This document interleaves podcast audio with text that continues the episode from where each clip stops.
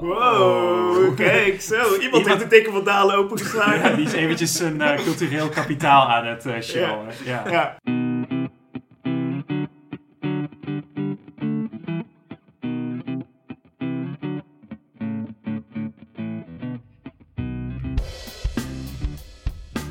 Welkom bij de Voor de Onschuld. Welkom Jamie. Welkom JW. En, Welkom Wouter. Hallo, goeiedag. hallo, leuk dat je bent. Hey. En eh, ja, leuk om weer een gast te hebben. Ja, Ja. leuk om hier te mogen Dus, zijn. eh, fijn dat je wilde aanschuiven. Ja. We gaan het hebben over het eh, precariaat. Dat is Ja. het woord van de week. Is niet voor, van het Instituut voor de Nederlandse Taal, maar wel een woord wat we best wel veel langs zijn gekomen de afgelopen week. Het komt uit een rapport van het Sociaal Cultureel Planbureau, SCP. Die beschrijven de, zoals zij het noemen, hedendaagse ongelijkheid. Ja. En dat doen ze aan de hand van een indeling van Nederland in zeven verschillende klassen. Eh, dus je hebt dan bijvoorbeeld eh, de rijke bovenlaag en de werkende middenklasse, eh, dat soort dingen. Maar de onderste klasse, dat is het precariaat. Ja. Dat is een groep Ja. van ongeveer eh 7% van de bevolking. En eh, die heeft het moeilijk. Eh, het Behoort, precariaat... behoort niet toe tot het proletariaat. Nee, nou, het, Want dat is, ja. het lijkt er wel een klein beetje op. Maar Ja. Het, het woord is een samenstelling van de woorden precair en proletariaat. Het is niet echt proletariaat in de klassieke zin, daar kunnen we misschien zo meteen nog even op ingaan. Maar eh, het is in ieder geval een groep van ongeveer 7% van onze bevolking. eh, die financieel het niet eh, heel ruim heeft en ook vaak werkloos is of een beetje van baantje naar baantje gaat. Dus ook niet echt uitzicht op een betere Ja, dus financiële situatie heeft. vaak hebben ze ook basisschool als hoogste opleidingsniveau. En ja, toch vaak ook wel mensen met een niet-westerse achtergrond of mensen met ernstig overgewicht. Dat is wat het SCP als die groep als zodanig karakteriseert. Dus dat is het precariaat. Ja, en ze onderscheiden eigenlijk meerdere vormen van kapitaal. Ja, dat vond is ik wel een- interessant. Ja. Ze kijken dus niet alleen maar naar financieel kapitaal. Ja, maar ze hebben dus nog een aantal andere eh, vormen van kapitaal, waaronder eh, sociaal kapitaal. Dat is wie je kent. Dus of je heel veel Jan Diederiks kent, of je kent juist heel veel eh Mustafa's. Dus je netwerk. Je netwerk. zeg Maar, ja. Je cultureel kapitaal, dat is waar je bij past. Ehm, dat is niet alleen je studie die je gedaan hebt, maar dat is bijvoorbeeld ook van nou, de boeken die je hebt gelezen. ja. Eh, je persoonskapitaal, dat is wie je bent. Je begint meteen weer over die boeken. Ik, ik weet het nou wel. aan- Uiteraard, uiteraard, uiteraard. Ik kom er nog op terug. Oké. Eh, en je hebt ook nog persoonskapitaal. Ja, dat is wie je bent. En eh, dat kan je gezondheid zijn. Bijvoorbeeld als jij eh, een handicap hebt of eh, dat je heel erg ernstig ziek bent. Maar het kan ook eh, betekenen hoe aantrekkelijk iemand is. Dus kennelijk aantrekkelijkere mensen die hebben meer persoonskapitaal. Nee, ik vind het wel... Ja, we doen er een beetje lachen over. En ergens is het ook wel grappig. Maar het is ook wel interessant. Want kijk, ten eerste onderschrijf je dan van... Ja, het, het gaat niet alleen maar om geld. Nou, dat is op zich wel logisch. Je Ja. moet naast geld ook naar andere dingen kijken. En die andere dingen die geven ook wel eh, uitzicht op geld. Dus zelfs als je Hmm. zou zeggen van... Het gaat me echt wel alleen maar om het financiële kapitaal. Bijvoorbeeld dat sociale kapitaal, dat netwerk... Dat geeft wel eh, aanspraak op. Want je kunt een makkelijker bepaalde banen krijgen. En dat geldt denk ik voor die andere twee ook wel. Maar die zijn wel... Ja, ergens zijn ze belangrijk, maar ze zijn ook heel erg moeilijk meetbaar, denk ik. Dus Ja, je bent... Ja. toch? Want eh, dat, dat eh, persoonlijk kapitaal, ja, hoe aantrekkelijk iemand is of zo. Ja, Ja. Hoe, hoe ga je dat meten, denk ik dan? Ja, precies. Het is, het is een beetje hoe ga je die enquête afnemen eh, op het gebied van persoonlijk kapitaal. Is het eh, op een schaal van 1 tot Ryan Gosling? En moet je dat dan voor jezelf invullen of moet je dat iemand anders laten invullen voor ja, jou? precies. Ja. Maar ja, ik vind dat het SCP ook wel lekker stereotypeert in hun eh, rapport hoor. Want ze zeggen van, nou, de werkende bovenlaag heeft vaak moderne Nederlandse namen als Sanne en Tim. Of elite namen als Charlotte, Roderick en Alexander. Oh, dat is nog een extra laag. Ja, ja. Oh, oh. Hey, maar als we het over elite namen versus tokkie namen hebben, Jamie, jij komt wel uit het precariaat. Eh, kijk, daar doe ik verder niet een eh, heel harde uitspraak over. Maar ik was ehm, eh, laatst, ik was met mijn nicht aan het praten over, ehm, ja, niet waar ik, ja, waar ik deels ben opgegroeid. Toen was ik al wat ouder, waar mijn Mhm. ouders naartoe zijn verhuisd. En eh, we zaten toen over iemand met een vuurwapen in de straat. Oké. En we waren eventjes al met elkaar aan het praten. En toen bedacht ik me van... Oh, ze heeft het over iemand anders in de straat met een vuurwapen. Want er waren dus twee verschillende personen in diezelfde straat met een vuurwapen. Dus trouwens een straat met ongeveer 50 huizen. Dus dan kun je wel nagaan als er, eh, ja, als, als 2 op de 50, dat is zo'n goede 4%, in ieder geval vuurwapens eh, bezit van alle huishoudens. Ja, dat Ik- gaat echt lekker. Ik wil het even hebben over het woord precariaat. In de zin van, ehm, ik vind het een heel lui woord. Ik vind het echt een heel lui woord. Ehm, de persoon die het woord heeft bedacht, die heet Guy Standing.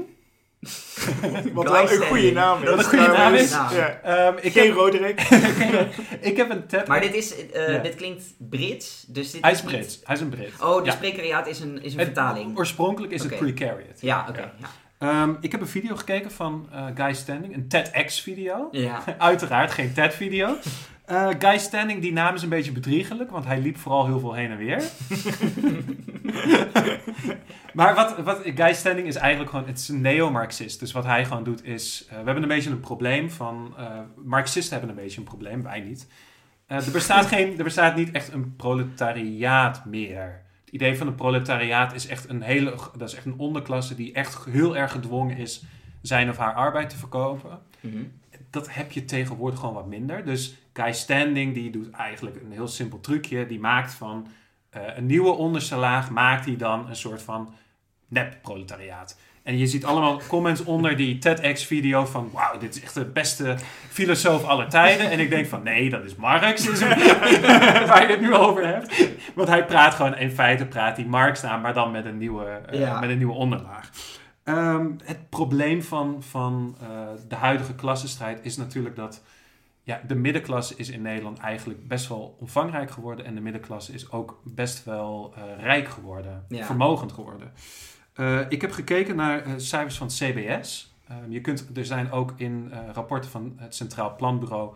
kun je ook kijken naar de ehm, vermogensontwikkeling in Nederland. En je ziet eigenlijk wel een tendens dat het mediaan vermogen van, een gemiddeld van, een, van een huishouden neemt eigenlijk vooral heel sterk toe. Hm. Dus 2006 en 2021 is dat vermogen gegroeid van 33.000 euro ongeveer naar 87.000 euro. Wow. Wat heel significant Ja. is voor een, toename. voor een mediaan huishouden. Ja. Ja, en dat is voor, natuurlijk voor het grootste deel afkomstig uit een woning. En dat is voor een heel klein deel maar afkomstig uit financieel vermogen. Dus dat is ook wel de waardestijging van die woning, toch? Dus het is Ja, ook wel een beetje een, ja, eh, administratief fenomeen wat je dan beschrijft. Want is, ik denk trouwens nee, wel dat klopt, er een kern van waarheid in zit hoor. Dat, dat de middenklasse rijker is. En dat is ook iets wat we wel ook moeten vieren, eh, denk ik. Waar we af en toe bij stil kunnen staan. Eh, maar je beschrijft er ongeveer een verdubbeling. En ik denk dat dat ook wel dus deel, deels komt doordat woningen eh, gewoon meer waard zijn geworden. Dus die mensen die zijn wel rijker, maar die wonen ook veel duurder. Ja, Het zou ja. ook zomaar kunnen dat de bovenlagen daardoor relatief veel meer rijker zijn geworden dan dat daardoor. Dat, dat, Dat, eh, dat is is ongetwijfeld. Maar het is natuurlijk wel een beetje krom als je een... Je gebruikt eigenlijk een, Marx, een neo-Marxistische term. Het Sociaal Cultureel Planbureau. En het Ja. probleem is eigenlijk van... Ja, weet je, in Nederland hebben we eigenlijk een steeds grotere groep van vermogenden. Mhm. Of Ja. die groep van vermogenden die is Die wordt eigenlijk steeds steeds... rijker. Ja, die wordt steeds rijker. Ja. Want dit is de mediaan, zeg je. Dit is de mediaan, ja. Ja, ja, dus- Ja. Mag ik nog, nog wel even iets zeggen over eh, zeg maar jouw kritiek op het, eh, op het SCP? Want ehm, ik, ik denk dat je op zich wel een punt hebt. Dat we niet moeten doen alsof we in een soort eh, ehm, marxistische samenleving wonen. Ja. Maar dat is denk ik ook niet wat het, wat het Sociaal Cultureel Planbureau doet hier. Want eh, kijk, het proletariaat dat was 90, 95 procent van de bevolking. Dus Ja, dat is dat- inderdaad totaal niet meer Nee, de situatie nee, die nee. we nu hebben. Dat precariaat is iets van 7 procent, hè, wat we net eh, benoemden. Ehm, maar ze doen volgens mij ook niet alsof het, alsof het nog steeds zo'n grote groep is. Maar het probleem wat ze, wat ze wel beschrijven is dat we hebben een samenleving die voor de meeste mensen wel best wel goed werkt. Ja. Alleen we hebben ook een groep die, oké het is geen 90%, maar het is nog steeds best wel een, een significante groep die het lastig heeft om mee te komen. Die niet echt eh, ja, verheven wordt. En die een beetje blijven hangen. En dat is denk ik wel een probleem waar we eh, nog wat aan zouden kunnen doen met z'n Ja. allen. Dus Ja.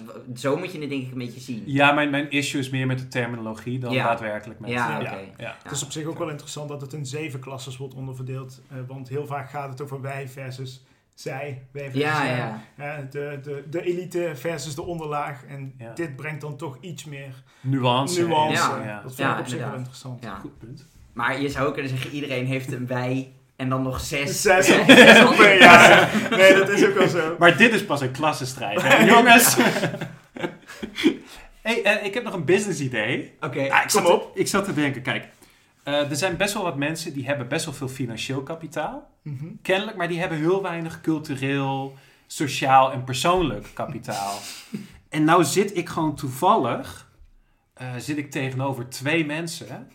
En- wacht even. Wat, Wat is er eh, weer? Wacht, Ja. wacht. Nee, nee, nee, nee, nee. Ik, kijk, sociaal kapitaal gaat over wie je kent. Ja. Ja. Ja, en ik ken natuurlijk jullie. Wouter en Jan Willem. Jullie daarentegen kennen Jamie. Ja, dat is heel wat minder sociaal Ja, kapitaal je haalt ons natuurlijk. naar beneden eigenlijk. Ja, ja, Ja, eigenlijk haal ik jullie naar beneden. Ik vind het wel een stukje diverser dat ik ook een vriend heb die Jamie heet. Moet maar door Ja. de weg banen door alle Jan Willems. Ik, ik en ben niet Pieters. elitair hoor. Een, een, een vriend van mij heet zelfs Jamie. Ja, ja. Maar kijk, wat wij gaan doen, wij gaan als een abonnementservice, gaan wij cultureel, sociaal en persoonlijk kapitaal verkopen.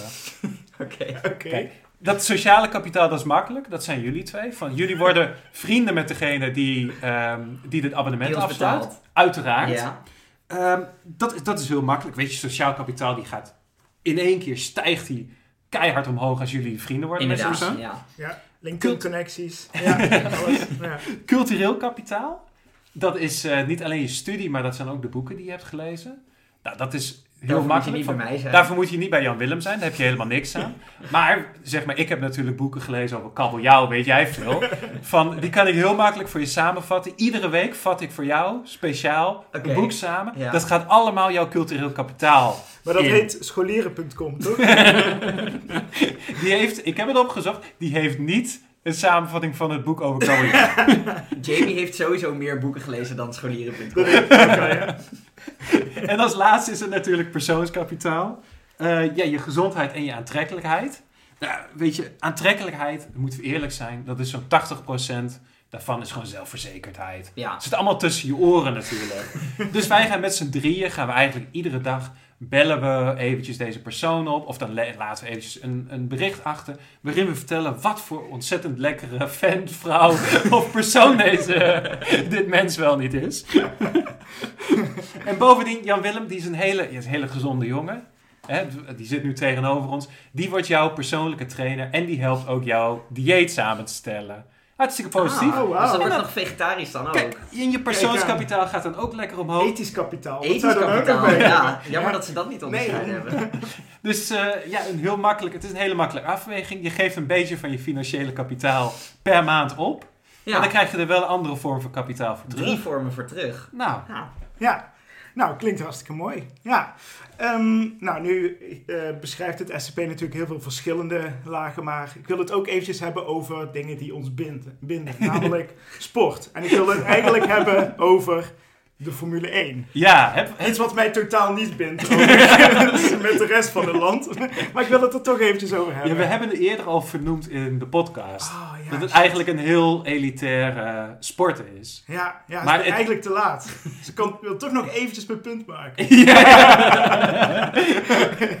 ja, maar het is eh, één dingetje dat, dat me ontzettend stoort. En is dat, ja, ik vind Formule 1 zelf niet al te leuk, maar ik word wel overal mee geconfronteerd. Nou, in het nieuws, eh dat kan je op zich nog wel negeren. Maar ook in de trein, dan hoor je allemaal van die scheurende banden in je oren. Ehm, bij vrienden thuis staat, staat, staat, die opeens, staat de televisie opeens aan. Maar ik had zelfs ook een keertje bij een, eh, bij een voetbalpool, had ik eh, online ingevuld, had ik zomaar een, een Formule 1 reis gewonnen. Terwijl ik dat totaal niet Oh, had gevraagd. dat is best wel vet. Dat is niet per se aan mij besteed, want ik vind Formule 1 namelijk een behoorlijke kutsport. Ehm, wat ik zo raar vind aan, aan Formule 1 is dat het, het, het voelt een beetje als volksvermaak. Iedereen luistert, of kijkt ernaar, eh, vindt het allemaal boeiend. Maar het is eigenlijk wel een bijzondere, bijzondere elitesport. Je hebt namelijk echt ontzettend veel geld nodig om, eh, om, überhaupt, eh, om überhaupt coureur te worden. Ja, daar hadden we het inderdaad ook, eh, ook over. Ja, want hoeveel heb je nodig dan? Ja. Nog een gokje wagen. Nou, doe eens. Ja, maar je moet, je moet, het begint al met karten. Het, gaat het gaat over de opleidingskosten om Formule 1 coureur te worden. Want dat is, dat is, neem ik aan, gewoon van je bent tot een bepaalde leeftijd, moet, kun je alleen karten. Ja, En Ja. pas dan kun je echt meedoen met de grote Ja. auto's. ja. Ja. dus een gok. Ehm, Orde grootte. nou, 50.000 euro? nou, ik ga eens even uitleggen. Alleen het karten al. Als je dus begint als jonkie, 4, 5 jaar oud, dan ben je dus in je jeugdopleiding al ongeveer een miljoen kwijt. In de junior en senior. Oh mijn god. en dan ben je karter, hè? Want 50.000 Ja. euro klinkt nu echt belachelijk laag. Ja, dat- dat is al een dat bedrag klinkt- wat ja, echt ja, was ja, lang ja. niet alle ouders aan Ja. hun kind even zouden kunnen stuk slaan Nee, voor nee, nee. Oké, maar Nee, 1 miljoen oké. om de, voor Dan ben, je, dan ben je een karter. Maar dan Ja. moet je dus Ja. ook nog de naar de formule toe. En naar meerdere formules. Dus Ja. je bent natuurlijk niet opeens bij de Maar daar moet je ook 1. voor betalen. Daar moet je ook voor betalen. Gewoon een soort van eh, ra- ja, vlieguren maken, maar dan eh, raceuren. Ah. Maar dan begin je dus bij de Formule 4 en dan werk je zo langzamerhand je weg op naar eh, Formule Maar 3, 3 2. naar 2. Ah, En- ja. Ja. En eh, ja, dat kost gewoon allemaal miljoenen per, per formuleklasse tot nou, ongeveer 8 Oh, miljoen maar euro. dit is ook wel een beetje zo'n... 8 miljoen euro in miljoen totaal? euro. Ja, ja, ja. Voor alles. Maar dan, heb, gemiddeld, gem- ja, gemiddeld voor de gemiddelde coureur. maar dan heb je het wel gemaakt als coureur. Dan heb je het wel gemaakt Ja. als coureur. Maar Dus ook als, je, ook als je 8 miljoen hebt, heb je het ook gewoon gemaakt Ja, als... je Ja, had, Ja. had het op de bankrekening gezet en ze er best wel leuk voor kunnen verdienen. Inderdaad. Maar het is Ja. ook wel een beetje zo'n verzonken kosten ding, toch? Ja, Want ja, je hebt er al een miljoen tikt eerst in een zitten. miljoen Ja. af en dan denk je van ja, nu ga ik niet meer stoppen. En dan elke keer komt er weer wat bij, zeg Ja. maar. Ja, Ja, Maar je bent dus, je bent dus naar, wel naar die Formule 1 race gegaan. ja. nee, nee, nee. Maar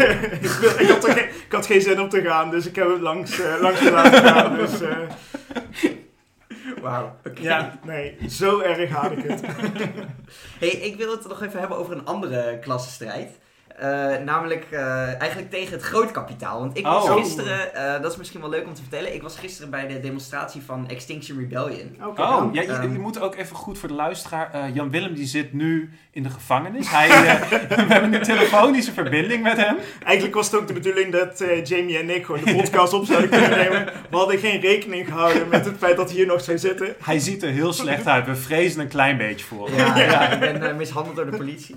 Nee, het, eh, nee, je kunt eigenlijk twee dingen doen. Je kunt dan die weg gaan blokkeren. Dat, eh, dat doen de echte diehards. Maar je kunt ook een beetje zo, als een watje, zoals ik, gewoon aan de zijlijn dan aanmoedigen. De supportdemonstratie noemen ze dat dan. En dat, eh, ze zeggen van, daar hebben we ook al heel veel aan als mensen dat doen. Dus ik dacht, Ja. nou oké, daar kom ik eh, mooi mee weg. Maar het was wel echt leuk, want tegelijkertijd was er ook een, een demonstratie van boeren. Dus we zaten, en we dachten, Oh. die, die gaan natuurlijk niet met de trein, die gaan met de trekker. Ja, maar we zaten ja, dus ja. in de trein met bijna allemaal mensen van Extinction Rebellion. Het was super druk. Maar er zaten ook een paar boeren. Die zaten Oh. een paar stoelen verderop. En die za- dat waren ook super duidelijk boeren. Ook een beetje van die gasten met van die petten en zo. En die zaten zo een beetje awkward om zich heen te kijken en eh, biertjes te drinken. En die zeiden, ja, oeh, we zijn wel een minderheid. maar het was heel gemoedelijk. En op een gegeven moment Oh. zetten ze, eh, een paar minuten voordat we aankwamen op, eh, op Den Haag, zette, eh, haalde een van die gasten echt een gigantische Bluetooth speaker uit zijn tas. en die zette knijterhard dat nummer op van ik ben boer Harms en ik kom Disco. En wij allemaal meezingen en zo. Dat was heel erg leuk. Oh, dat En- is heel leuk. je, ja. want je weet gewoon van ja, Ja. we gaan eigenlijk demonstreren. Ja, niet echt het tegenovergestelde, maar in ieder geval Ja, we zijn. bijna wel. Ja, bijna wel. We Tegen, zijn- sti- tegen stikstof. En Ja, zij zijn eigenlijk bijna zowat voor stikstof. Ja, Ja. dus we, Ja. we zijn het niet met elkaar eens. Ja. Maar toch, het was wel, weet je, het was van nou, succes bij jullie demonstratie en eh, veel plezier. En het was ook wel grappig, want zij gingen ook letterlijk toen we de trein uitkwamen naar rechts en wij naar links. naar onze demonstratie, dat was wel leuk. Maar, ehm, ik, maar wat ik dus wel, wel cool vind, ik, ik heb nooit eerder ge- gedemonstreerd. En ik, dat was ook een van de redenen dat ik wilde gaan, want ik dacht ik moet dat toch wel een keer in mijn leven Ja, hebben, ja, hebben ja. gedaan. Maar het, het verbaasde me dus ook eh, ja, zeg maar emotioneel hoeveel het me toch nog deed. Om in, in zo'n eh, menigte te staan en een beetje die leuzen te scanderen. En echt het gevoel te hebben van we zijn met z'n allen. Zijn we ergens voor of ergens tegen en, en willen we dat er iets verandert? En ik, want ik had eigenlijk verwacht, ik ga er gewoon staan en een beetje kijken. en, Ja, ja, ja. eh, Dat voelt maar ja, gewoon... het, het, het deed me echt meer dan ik had verwacht eigenlijk. Ik raakte een paar keer bijna een beetje ontroerd van de speeches en van eh, Oh, de saamhorigheid. Best wel vet. ja, Dus ik kan het wel zeker aanraden om, eh, om een keer te doen. Om een, een demonstratie bij te wonen. En Jamie, dit is voor jou misschien ook wel leuk. Want ik weet dat jij... eh, jij bent natuurlijk pro-klimaatverandering. En eh, je hebt een hekel aan het klimaat zoals het nu is. ja, dat heb ik nooit gezegd. Maar oké. nee. Nee, sorry, het is een beetje flauw. Maar ehm, dit ging over... eh, kijk, het is altijd de vraag van hoe vind je iets...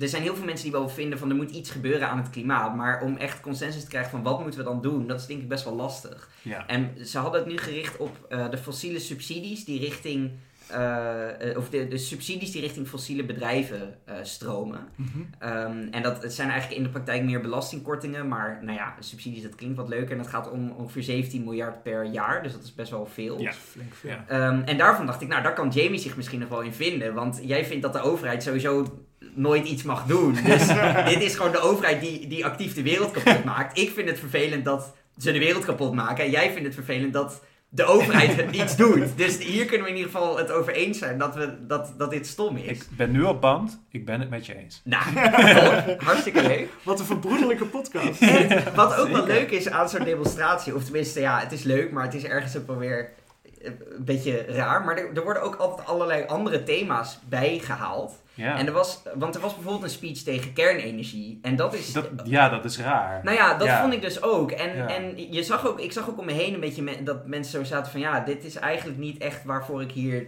Oh, naartoe ja. ben gekomen. ja, ja. En wat moeten we hiermee? En je hebt ook altijd mensen die gaan dan, eh, ja, fuck het kapitalisme en het hele systeem moet op de schop en zo. En dan denk ik van ja, dat, Dat is hou niet, het gewoon ja, bij die boodschap, ja, ja. dacht ik. Ja, dan wordt het ook een stuk sterker als je één ding uitdraagt in plaats van 15 Ja, verschillende daarom. dingen. Ja, want je wil wel iets hebben waar je allemaal achter kunt staan. Maar het is ook wel weer grappig dat je dan... Ja, je komt toch in een soort van linkse bubbel terecht daar. En dan krijg je ook die mening een beetje mee. Als een soort van linkse wolk die over de Linkse- A12 gewoon... ja. Je kunt het ook eh, het linkse spook noemen. Als we toch eh, marxistisch eh, denken. Maar eh, er was dus op een gegeven moment iemand die ging een liedje zingen over Shell. Eh, Het was niet eh, echt positief over Shell, eh, kan ik Oh. erbij vertellen. Maar. Shell was eh, tot voor kort was, eh, Royal Dutch Shell, dus Ja. dat is koninklijk. Ja. En toen zei hij, ja, en dat is ook stom, eh, fuck de monarchie. en toen, toen moest ik ook aan jou denken. Ik dacht, nou, Jimmy, die zou zich helemaal thuis voelen hier. Kan ik me wel in vinden. Wanneer is de volgende demonstratie? Dan eh, gaan we samen. Nou ja, dan binnenkort wordt volgens mij Eindhoven Airport eh, geblokkeerd of zo. Dus eh, nou ja, we- wellicht eh, kunnen we daar naartoe. Maar goed, het is dus zeker een aanrader om een keer naar zo'n naar zo'n demonstratie goed. te gaan. Hey, ik heb nog een, eh, een alter, niet een alternatief woord, maar wel een alternatief, eh, ja, eh, hoe zeg je dat gezegd? Uitdrukking. Uitdrukking, ja. Want we, je hebt natuurlijk proletarisch winkelen. Natuurlijk. Ik, Oké. wat is dat dan? ja, je kijkt ons ook zo heel Het is een beetje verwachtingsvol een. Ja. een- ja, is een beetje misschien een gedateerde term, maar proletarisch winkelen, dat is, eh, ja, als armoed zei je winkelen, dus dat is dat je het stilt eigenlijk. Ja. Ehm, maar ja, we hebben het nu over precariaat. Dus precariatisch winkelen. En dat is, eh, ja, dan winkel je eigenlijk als een, eh, als een PVV-stemmer. Dus dan, je koopt niks, maar je, je schreeuwt gewoon naar alle eh, groenten die uit het buitenland komen. Right. Oké. Hey, zullen we doorgaan naar het eh Alscuus van de week? Want daar heb ik ook nog een Ja, leuke van. Ik denk dat ik weet waar het over gaat. Ja, ja, ja, ja, over Heineken. Ja, dat klopt. Ja. Ja. Oh, Ja. ja. Nee, want Heineken heeft, eh, eh, was een beetje negatief in het nieuws. Ehm, er zijn sancties natuurlijk eh, tegen Rusland, al eh, meer dan een jaar. Eh, en er hebben een aantal bedrijven hebben zich daarom teruggetrokken uit Rusland, want dat moest namelijk. Eh, en Heineken die heeft dus een beetje de tegenovergestelde beweging gemaakt. Die, is gewoon, die heeft keihard ingezet op... eh, nou ja, die dachten, oké, Guinness gaat weg hier. Dus dan gaan wij ook extra bier uitbrengen. En ook stouts, dus wat een beetje lijkt op, eh, op Guinness. Mag ik trouwens Dan ook zeggen, wel in dat over, gat. over Guinness gesproken, van, van Guinness is trouwens totaal geen ethisch bedrijf. Moet ik even zeggen. Ik heb er voor het moederbedrijf van gewerkt.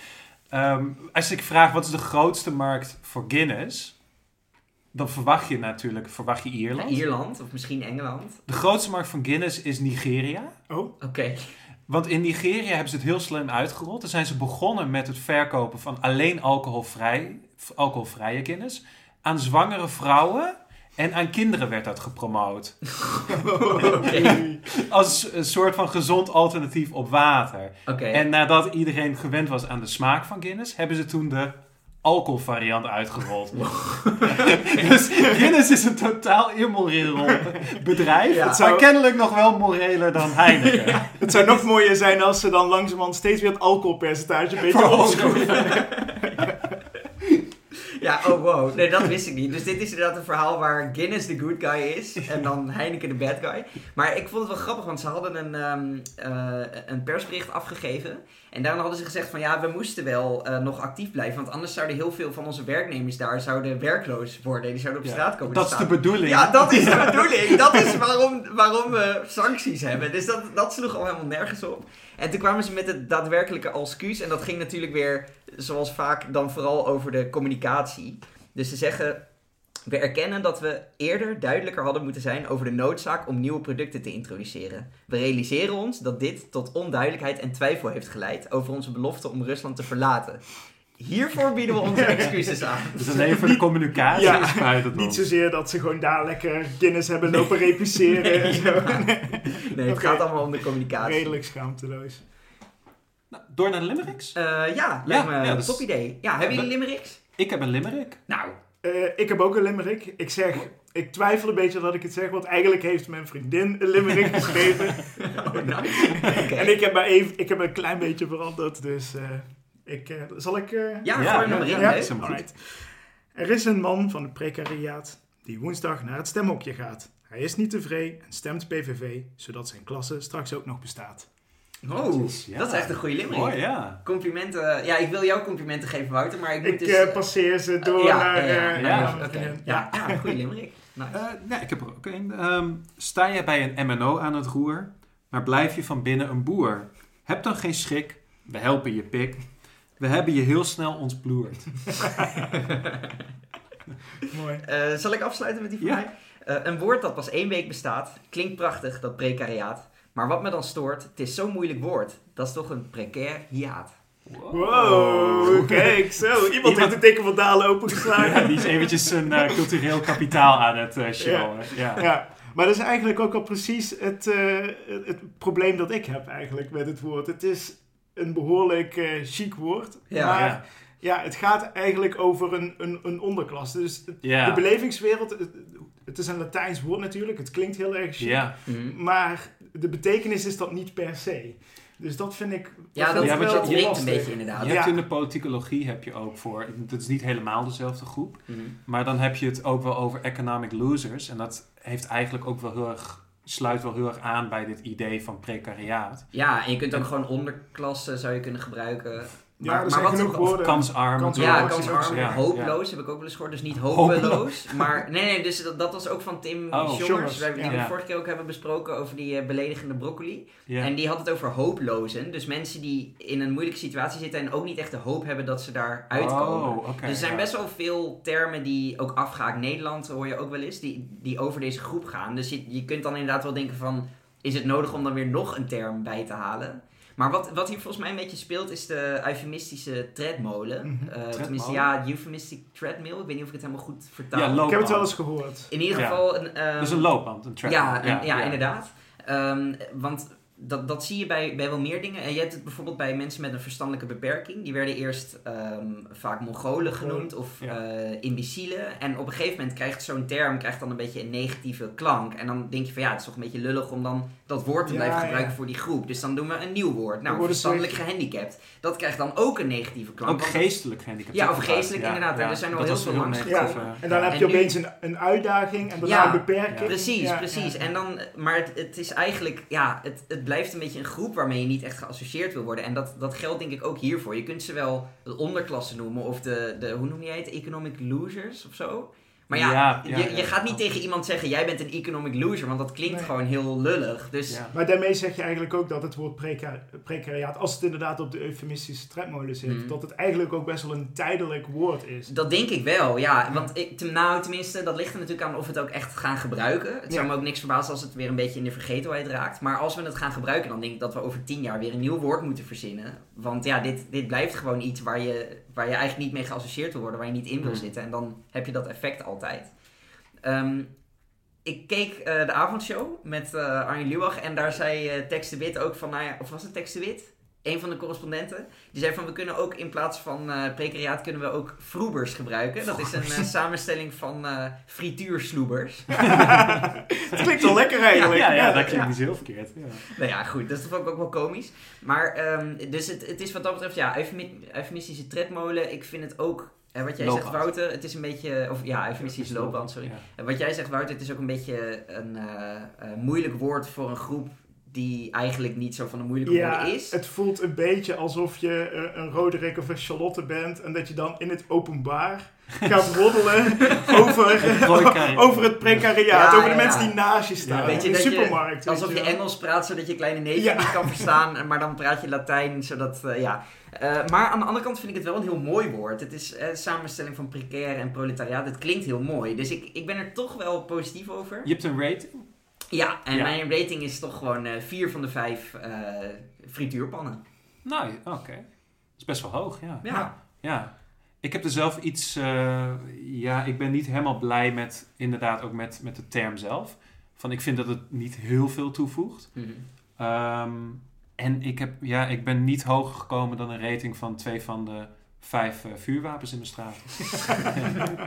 Ja, daar sluit ik me eigenlijk ook al bij aan. Normaal gesproken vind ik eh, Latijnse bewoordingen of uitdrukkingen best wel mooi klinken. Maar hier sluit ik totaal niet aan op Ja. waar het voor bedoeld is. Dus eh, ja, ik ga met je mee, Jamie. Ik, eh, ik ga voor eh, twee niet verzilverde Grand Prix tickets. Nou, dat, Oké, dat was het ja. Ja. Ehm, nou, Wouter, hartstikke bedankt. Leuk Ja. dat je er was. Leuk dat ik er mag Hartstikke komen. leuk, Ja. Eh, en luisteraar, je kan ons bereiken at dvonschuld op Twitter of eh, Instagram. Instagram. Eh de voor de onschuld@gmail.com. En je mag ook nog in onze appgroep, als je dat leuk vindt, moet je even een mailtje sturen. Eh, en dan voegen we je toe. Als je het leuk vindt om limericks te schrijven, maar ook als je het niet leuk vindt om limericks te schrijven, mag je, Je kunt zelfs de live uitzending eh, halen als je niet leuk, niet limericks kunt schrijven. Vraag gewoon je vriendin. ja. Ja, dus eh, nou, dankjewel voor het luisteren en Ja. eh, tot de volgende keer. Doei doei. Doei. Doei.